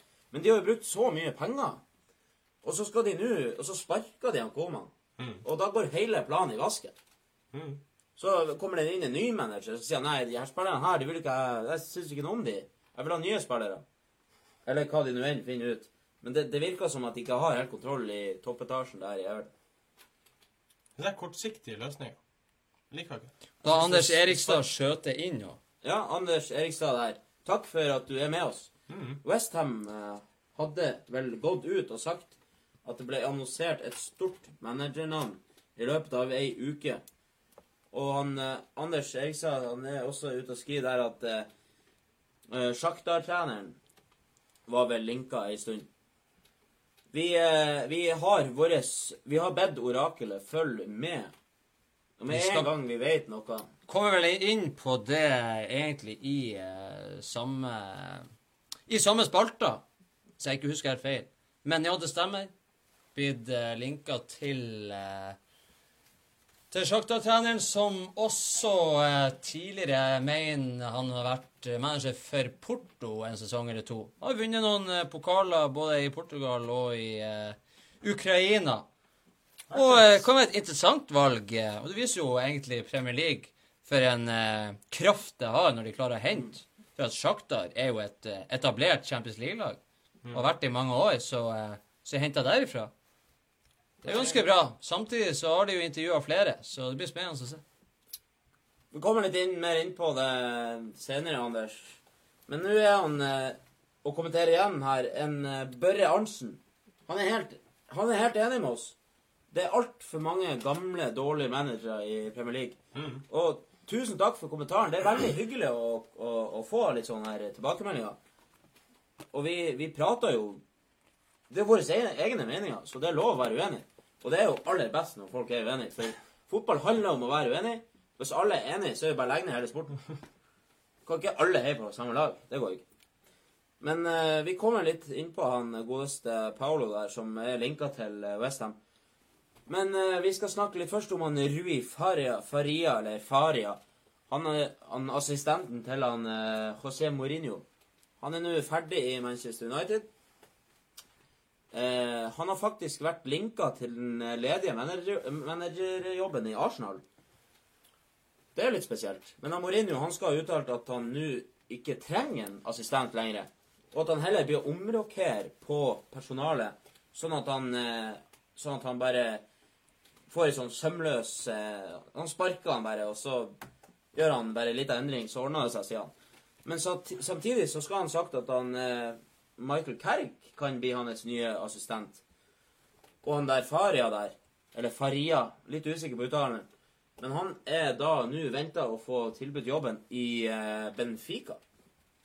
Det er spennende. Og jeg tror jo det her, det har vi sett tidligere under Føges òg, assistentmanagere i United har jo allerede hadde en ny jobb klar når de har funnet derfra. Ja. Så legger de bare litt tid imellom for at det skal virke litt mer sånn her eh, tilfeldig. Ja. Det er klart, man kan jo ikke være assistent for alltid. Nei, det går ikke. Og det er bra, det er det jeg mener. Noen som vil utvikle seg. Han vil ikke være Noen de kan være fornøyd med å sitte og være assistent og tjene masse penger. Ja. Trenger ikke å være i rampelyset. Tar ingen av skylda. Det er, jo en, det er jo kanskje den beste jobben i fotballen, er å være assistenttrener. Du slipper jo unna billig, og så får du masse penger og koser deg med det du liker. Ja. Men det er bra at du tar initiativ og vil eh, frem i karrieren og er glad i fotball, og det er det vi ønsker. Vi ønsker ikke en Pardew eller en Sam Allardyce som liker å tjene penger, dra til Ibiza, danse med småjentene og komme tilbake til Premier League igjen etter at sesongen på Ibiza er ferdig. Nei, få det bort. Vi ønsker han Rui Faria lykke til i Benfica. For det er alle solmerker viser at eh, mest sannsynlig er det der han ender opp. Spennende. Ja, vi har fått en kommentar fra Børre Arntzen. Eh, han spør om vi har noe mer om han Arteta til Arsenal. Og Eller han lurer på om vi har noe nytt. Noe nytt. Det, du kan jo ikke vi vite hva han allerede vet. Bare kort oppsummert Se hvor kort jeg kan bli. Så er det jo at eh, det har vært selvfølgelig både eh, Det sies at både spillere i, eh, i Arsenal er mange som har spilla i lag med Arteta. Naturligvis så skal du der ha respekt. Den type respekt for en, eh, en som har vært i medspiller og kaptein. Det er litt vanskelig, sammen for supporterne. Samtidig så skal Arteta ha imponert med sine kunnskaper og sine visjoner om hvordan Arsenal fotballklubb skal utvikle seg eh, fotballmessig. Hva han kan forvente av spillerne. Han har gått en god skole hos Pep Guardiola. Ja, det må man si. Det har han gjort. Jeg mener jo at uh, det er en, fortsatt er en stor forskjell på det å være assistenttrener og det å være manager. Ja. Uansett hvor dyktig du er fotballfaglig. Du skal stå i det litt alene på en annen måte når du tar avgjørelsene. Ja. At han, var, han hadde vært kaptein i Arsenal Han var ikke en kaptein med stor K, vil jeg si. Han satt jo mer på benken enn han var på banen. Ja, ja, men eh, selvfølgelig. Eh, jeg har også lest her at han ønsker å spille den fotballen som man kanskje ser i City. Det skal gå hurtig. Angrepsfotball. Krever spillerne. Gå inn eh, i eh, og gjøre enkeltspillere bedre. Det, han Guardiola sier jo blant annet at han spiller sånn Stirling og Leroy Sané, kantspillerne som har gjort det veldig bra i år for City, er det han Arteta som skal takkes der. For han har gått inn konkret, i detalj, fortalt hver enkelt spiller hva de skal gjøre, hva de ikke skal gjøre. Og det tror jeg Arsenal savner. Ja. jeg. De savner det. For at man ser ofte at det er de samme spillerne som gjør de samme feilene. Så ja, Arteta Jeg tror ikke fotballmessig eller eh, at blir, Arsenal blir et dårligere fotballag under Arteta enn det de var under Wenger. Men skal det skjære seg med Arteta som manager, så tror jeg at det kommer til å bli eh, store, store, store stygge ord blant supporterne på tribunene på Emirates. Igjen. Igjen. Og kanskje enda mer enn før, fordi at etter 22 år så tenker man at det sikre valget ville vært å hente en manager, en eh, Allegri, en Luis Henrique, som eh, har erfaring med å vinne store pokaler, store erfaringer med det taktiske, de vet hvordan gamet fungerer, både serie og i Champions League, men at de mista dem fordi at de ikke er villige til å gi nok penger. Og det siste som sies om Arteta nå, er at Arteta skal få intet mindre enn 50 millioner pund å kjøpe for i sommer hvis han tar over. Og hvis du da henter en, UR, en som ikke har vært manager, og han skal få 50 millioner pund å kjøpe for for å snu denne trenden som har vært i Arsenal, det er ganske skremmende. Så kan han kjøpe tilbake en Chamberlain. Så har han jo brukt en alle de pengene. flaut lite penger. Så de, hvis det her stemmer, så tar de jo en enormt stor sjanse. Ja, er- Men så sies jo også det, eh, I dag har det jo kommet at eh, Eller i hvert fall Sky Sports sjøl sa at sin egen ansatt Thierry Henry skal i et møte med Arsenal og få lov til å legge frem sine visjoner. Men du var jo litt skuffa over han eh, Eller vi var vel egentlig alle litt skuffa over han uh, Henry eh, At ikke han var på stadion når han Wenger hadde sin avskjed. Jeg har egentlig hatt en følelse lenge på, eller sagt lenge, at, at Thierry Henry virker som at han klarer ikke helt å legge fra seg at det er en i Arsenal som er større enn han. Ja. Jeg mener det fortsatt. Måten han prater om å venger på, måten han eh, prater sjøl om Så er dokumentar, blant annet, hvor han sier at ja, han Wenger oppdaga meg, men eh, jeg var nå såpass god at eh, jeg burde jo bli oppdaga allikevel. Så han har litt den der holdninga. Så eh, nei, Arteta eh, til Arsenal er det mest sannsynlige. Det er det som er det soleklare valget Per, per, per i dag. Jeg kan ikke altså. jeg kan ikke, Det har vært Allegri og Luis Henrique, og blir det ikke dem Det har vært snakk om Vieira òg, men Vieira er på vei til Nice, virker det som. Jeg tror at det blir en Arteta, rett og slett. Og eh, da får styret i Arsenal der eh, prøve å overleve. Hvis det går dårlig. Går det bra? Ja, ja. Ja. Men uh, Eh, det som å de, vil ha, de vil jo ha en manager antageligvis som kan utvikle de som er der fra, fra, før av, uten å bruke så innsides med penger. Litt sånn som Le- altså, Klopp var jo en stor manager fra før av, men det var jo derfor de henta. Det var for han utvikla spillere og ikke kjøpte dem. Så kan jeg ende i samme plan. Jo, jo, men det er jo selvfølgelig men det er jo mye som skal diskuteres inni det her. Skal vi ikke gå inn på nå, men Nei, nei. Wenger eh, sa jo nylig, eller antyda det her, at Emirates nå er så, så, så å si nedbetalt. Og litt som eh, Liverpool og andre klubber som ligger og liksom ulmer på eh, i balanse i forhold til kjøp og salg og det her. Så det er ingen grunn til at ikke Arsenal skal ha penger nok. Nei. Så det der er De tar en enorm sjanse hvis mm. de tar det valget. Ja, jeg er enig. Han Neymar skal ha fortalt sine lagkamerater at han ikke kommer til å returnere til Paris etter VM i sommer. Samtidig så skal PSG-president Nasser al-Khelaifi ha uttalt at det er 200, nei, 2000 sikkert at han Neymar eh, kommer tilbake til PSG og spiller neste sesong. Neymar han sa jo her om dagen at han tenker kun på VM, så vi får se. Og jeg hater når det er så jævla diplomatisk. Det, det, åh, det, er så, det er så irriterende. Si det som det er. Nei, jeg tenker kun på Vi tar neste kamp, eh, og så får vi se. Men ja, Han begynner å bli lei av alle spørsmålene han skulle ha sagt. Men det er jo veldig enkelt. Eh, hvis du blir i PSG, hvor vanskelig er det å si 'Jeg blir i PSG'? Så, så er du ferdig. Han, han, han er lei av at, at alle stiller spørsmål. Du får jo mer vann på hjulet når du sier det der, Neymar. Din idiot. Men det er jo en finere måte å si på at det kan hende at jeg drar. Ja. Men nå har han men, men nå har han sagt ikke 100% ikke 200% ikke 1000% Han har sagt 2000% sikkert at han Neymar er PSG. ja og det er Så hvis han da Ja. Så hvis han Så da kan vi egentlig i utgangspunktet alt som er Neymar-rykter Faktisk i dag kom det siste ryktet om at Real Madrid er blitt enig med Neymar om de personlige betingelsene. Nå vil de bare ha en pris fra PSG. Hvis han hadde sagt 2000% Det er, hadde jeg vært PSG-supporter, og presidenten i klubben hadde sagt at det er 2000 prosent sikkert at de ikke skal selge han. Og Hvis de da hadde solgt han, så hadde jeg bedt han der jævelen, han presidenten, om å fære på dagen. Så Hvis de selger han Neymar nå, så er jo det et svik. Du kan ikke si det, og så selge han. Da må du jo si at alle har sin pris. Men eh, jeg tror nok at Neymar har sin pris, for ingen kan holde på en misfornøyd spiller. Litt sånn som Liverpool og Coutinho. Kan jo holde på dem. Ja, du kan jo sette dem ned på A-laget, men Eller sette de ned fra A-laget og lage spill på Du reservelaget. vet, du vet altså for, Forandrer de meninger, så blir de med å spille, men du vet de kommer til å fære til slutt uansett. Ja. Om det er nå, eller om det er i januar eller neste sommer, så blir de jo fære. Få håpe Neymar re- rekker VM. Det er jo det, vis, det ser ut som han skal gjøre det, men det er jo ikke alltid like lett å komme rett i toppform. Jeg tror han blir å spille med krykker om så. Ja, vi får se. Han Ja, Manchester United de har fått blod på tann.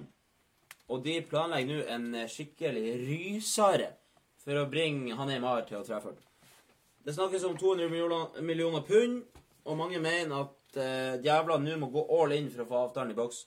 Det klages på at storklubben mangler en skikkelig stjerne, men det er jo det dummeste jeg har hørt. Ja, det er faktisk det dummeste jeg har hørt.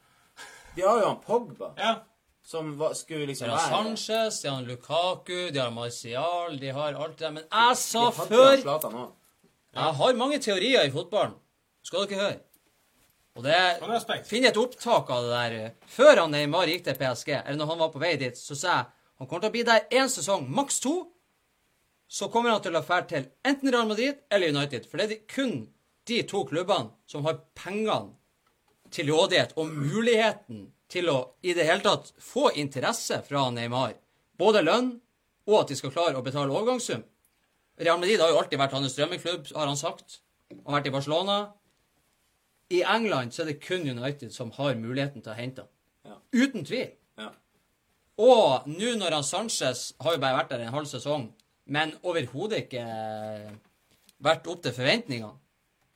Og han Pogba fortsatt ikke er det, fordi at han Mourinho ikke klarer å bruke han rett, etter min mening. For han Pogba er en fantastisk fotballspiller. ja, det er ikke noe tvil om det.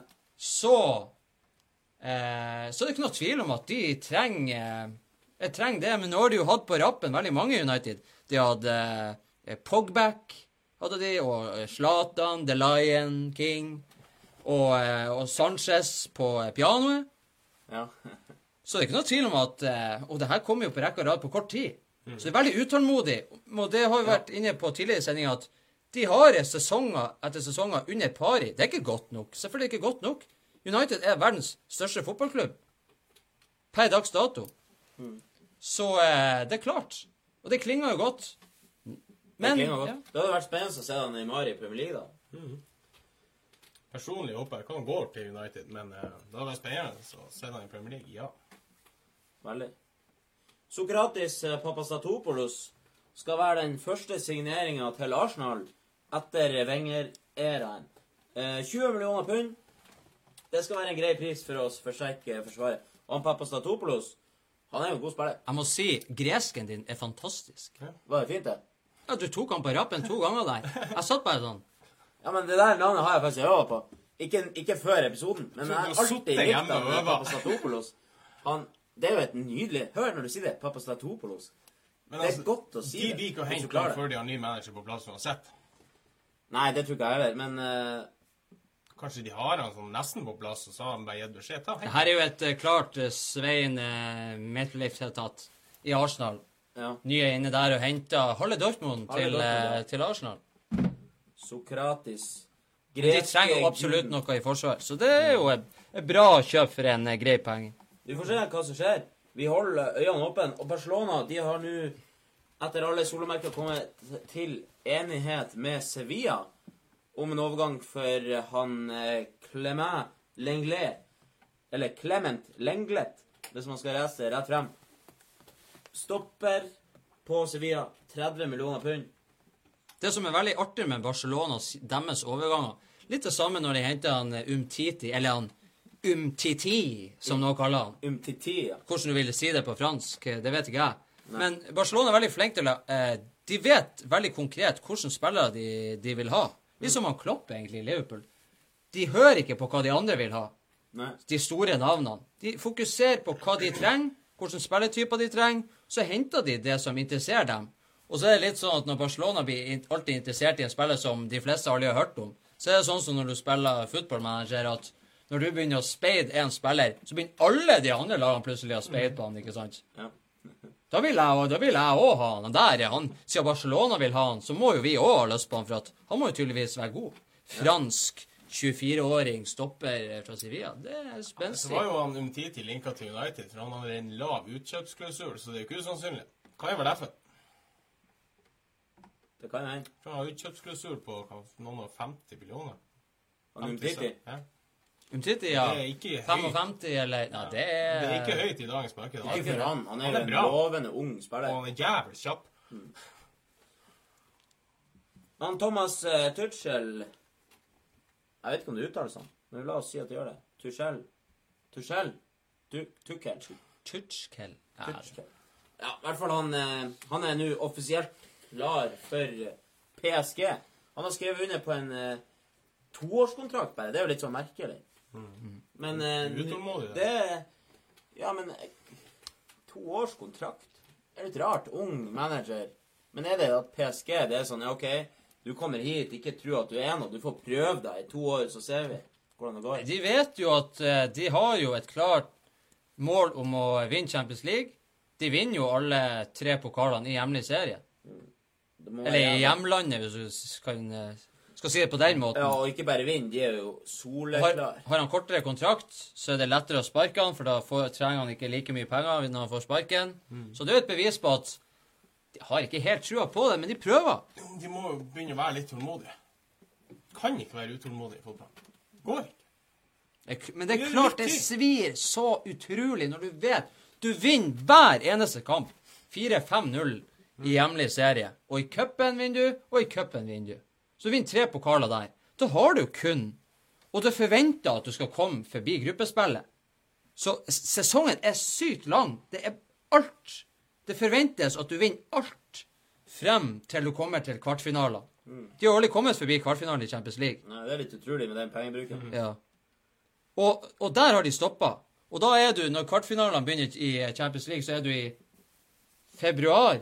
Mars? Ja, februar. Ikke sant? Så hele sesongen der, og så spiller du, og så kommer du dit, og så ryker du. Og så sitter du der, som han 2000-prosenteren til eh, presidenten som de har.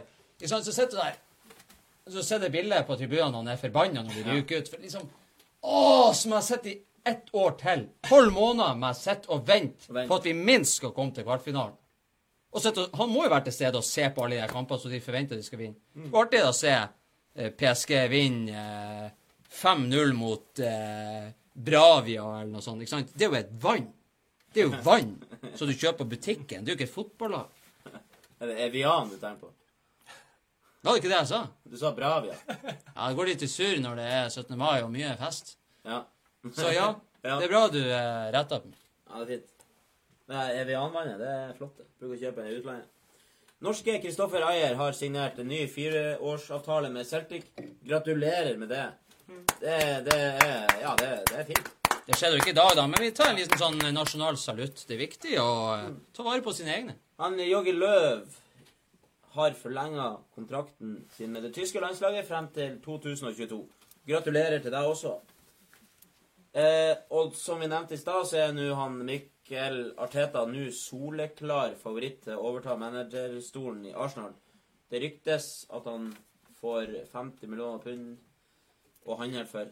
Eller 50 eller 100, har det blitt sagt. Eh, vi har snakka om det, så vi skal ikke gå så veldig mye mer inn på det. Men da skal vi til Anders Erikstad igjen. For da Westham har intervjua Shakhtar-manager Paulo Fonsesca David Moyes er ferdig, og de velger å finsikte inn på den eh, tidligere Porto-manageren, som nå er i Shakhtar. Samtidig så sier de siste ryktene at de skal ha vært ute etter han eh, Rafa Benitez. Det er spennende valg. Ja, det er spennende valg. Men spørsmålet er han Benitez, vil han gå fra Newcastle til Westham? Der tror jeg svaret er nei. Det tror ikke jeg. Penger. Ja, men Men han gå, Benitez, gå fra han i Shakhtar. Det er spennende. Kanskje han drar med seg et par spillere fra Shakhtar. ja. Meget spennende. Davinson Sanchez har signert en ny seksårskontrakt med Tottenham. Gratulerer til deg òg. Du feirer sikkert godt. Det klinger i pungen. Pep Guardiola har forlenga kontrakten med City til 2021. Og Det skjedde i dag. Gratulerer med dagen til de lyseblå òg. Ny kontrakt der. Eh, tjener angivelig 25 millioner euro etter skatt. Ja. Og hvis det da er 50% skatt, skal du fortelle meg at han tjener 500 millioner? Det går ikke an. Men de sa i hvert fall at det er tidenes høyeste managerlønn noensinne. Selvfølgelig er det det. Jeg er overraska over at han forlenga, for han sa jo at når kontrakten min er, er gått ut med City, så skal jeg legge opp. Skal ikke ha noe mer med fotball å gjøre. Han er litt er, Han vil jo han vil jo vel vinne Champions League. Det er sikkert det han vil. Han har ikke vært i en Champions League-finale siden krigen. City har jo aldri vært i en Champions League-finale Nei. heller, så Med mindre jeg tar veldig feil. Men eh, Det har de ikke. De har ikke det. Så eh, det er jo en enorm jobb for han, selv om han bør jo kanskje klare det i løpet av kontrakten. da. Det er jo klart, når du på god vei. blør i fotball, hvorfor skal du legge opp? Han blir jo ligge på yachten eh, på Rivieraen og, liksom, og skjelve fordi at Får sånn spasmer fordi at han vet ikke hvor han skulle rase av når han ikke er manager. Så eh, Nei. Nei, han skal holde seg til fotballen. Det er det han er god til. Og det, det er en fargerik mann å ha.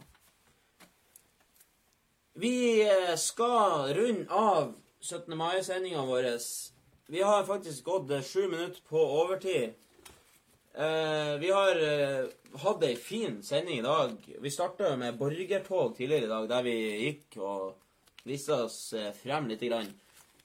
Og Lenge siden jeg har gått så mye på en dag.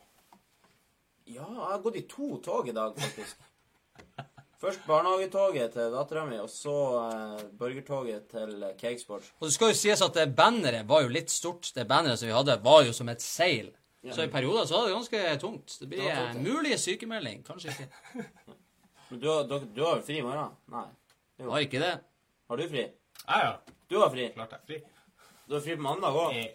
Det har jo alle, men Da har du langhelg, og vi ønsker dere god helg, alle sammen. Takk for at dere var her. Og husk, det er ikke lenge til VM. Kanskje Cakesports har noe på lur der etter hvert. Takk for i dag, og god kveld. Måtte den eh, aller beste kegen vinne. Og da skal vi skåle. Og det, dere er blitt så flinke med den eh, øla. Det er, er jeg, har sikkert stått en halvtime og spara på det. her. Heia Norge, heia Norge, heia Norge! Takk for i dag. Adjø. På gjensyn og adjø.